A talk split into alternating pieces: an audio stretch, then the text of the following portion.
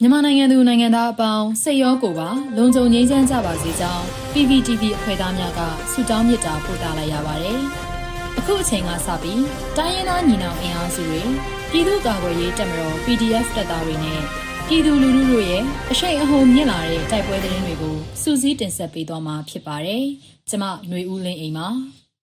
ပထမဆုံးအနေနဲ့ကော့ဂရိတ်မြောက်ရီအာရှလန်မွေးမြူရေးစုံအနီးစစ်ကောင်စီတပ်ဖွဲ့ပစ်ခတ်ခံရပြီးစစ်သား9ဦးထပ်မံတေဆုံးတဲ့တဲ့ရင်ကိုတင်ဆက်ပေးမှာပါ။ကရင်ပြည်နယ်ကော့ဂရိတ်မြောက်ရီအာရှလန်ဘေးမွေးမြူရေးစုံအနီးတက်ဆွဲထားတဲ့အကြမ်းဖက်စစ်ကောင်စီတပ်ဖွဲ့ကိုအမည်စစ်စစ်စေအဖွဲ့က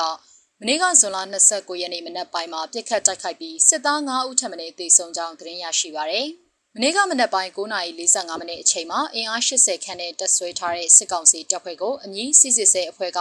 ကြောက်ကြားစနစ်နဲ့ပြစ်ခတ်တိုက်ခိုက်ခြင်းဖြစ်ပြီးမိနစ်20ခန့်တိုက်ပွဲဖြစ်ပွားကစစ်ကောင်စီဘက်မှ9ဦးထက်မနည်းသေဆုံးကြောင်းကော့ဂရိတ်သတင်းရင်းမြစ်ထံမှသိရှိရတာပါ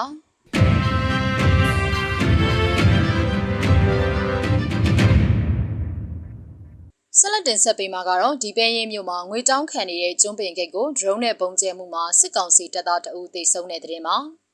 စကိုင်းတိုင်းဒီပဲရင်မြို့မှာငွေတောင်းခံနေတဲ့ကျွန်းပင်ဂိတ်ကို drone နဲ့ပုံကျဲမှုမှာစစ်ကောင်စီတပ်သားတအူးသေဆုံးကြောင်းဒေသကာကွယ်ရေးတပ်ဖွဲ့ကသတင်းထုတ်ပြန်ပါတယ်။ဇွန်လ29ရက်နေ့မွန်းလွဲ3နာရီအချိန်ဒီပဲရင်မြို့ကျွန်းပင်ဂိတ်မှာလူကုန်ထံမှငွေတောင်းတများတိုက်နေတဲ့စစ်ကောင်စီတပ်ကို DRPA FRF မိုးဦးတို့ပူးပေါင်းပြီး drone နဲ့ M9 အီနာကတလုံးဖြင့်ပုံကျဲတိုက်ခိုက်ရာစစ်သားတအုပ်သေဆုံးပြီးစစ်သား၄ဦးခန့်တရားရခဲ့ကြောင်း DRPA သတင်းနဲ့ပြန်ကြားရေးကပြောဆိုပါရယ်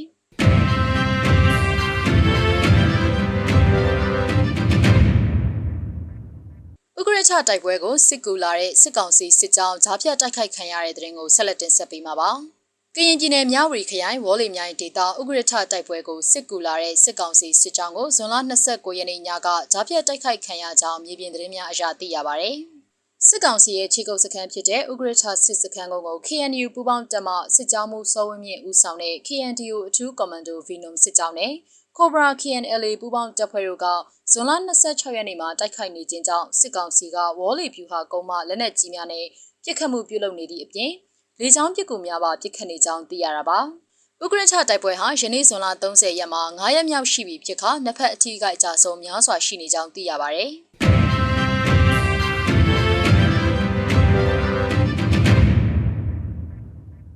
နောက်ဆုံးအနေနဲ့အမျိုးသားညီညွတ်ရေးအစိုးရပြည်ထရေးနဲ့လူဝင်မှုကြီးကြပ်ရေးဝန်ကြီးဌာနက2022ခုဇွန်လ30ရက်ရက်စွဲနဲ့ထုတ်ပြန်တဲ့ပြည်သူ့ခုခံတော်လှန်ရေးသတင်းအချက်အလက်တွေကိုတင်ဆက်ပေးသွားမှာပါ။အာနာသိန်းကျန်းဖက်စေအုပ်စုရဲ့ပြည်သူလူထုအပေါ်အကြမ်းဖက်ဖိနှိပ်ဖန်ဆီးတိုက်ခိုက်တပ်ဖြတ်နေမှုတွေကိုပြည်သူလူထုတရက်လုံးက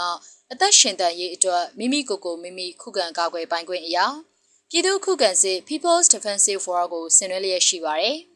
တရင်ချက်လက်များအရ29ရက်6လ2022ရက်နေ့ဗုဒ္ဓဟူးနေ့မှာစစ်ကောင်စီတပ်ဖွဲ့ဝင်28ဦးသေဆုံးပြီးထိခိုက်ဒဏ်ရာရရှိသူ4ဦးအထိခုခံတိုက်ခိုက်နိုင်ခဲ့ပါတယ်။ဆီယနာရှင်စနစ်မြန်မာပြည်ပေါ်မှာအပိတိုင်ချုပ်ငြိမ်းရေးနဲ့ Federal Democracy တည်ဆောက်ရေးအတွက်ငြိမ်းချမ်းစွာဆန္ဒပြတဲ့လူလူတပိတ်တိုက်ပွဲများကပြည်내နဲ့တိုင်းဒေသကြီးများမှာဖြစ်ပွားပေါ်ပေါက်လျက်ရှိပါတယ်။မြေပြင်မှာယခုတွေ့ရတဲ့သတင်းအချက်အလက်များထက်ပို၍ဖြစ်ပွားနိုင်ပါတယ်ရှင်။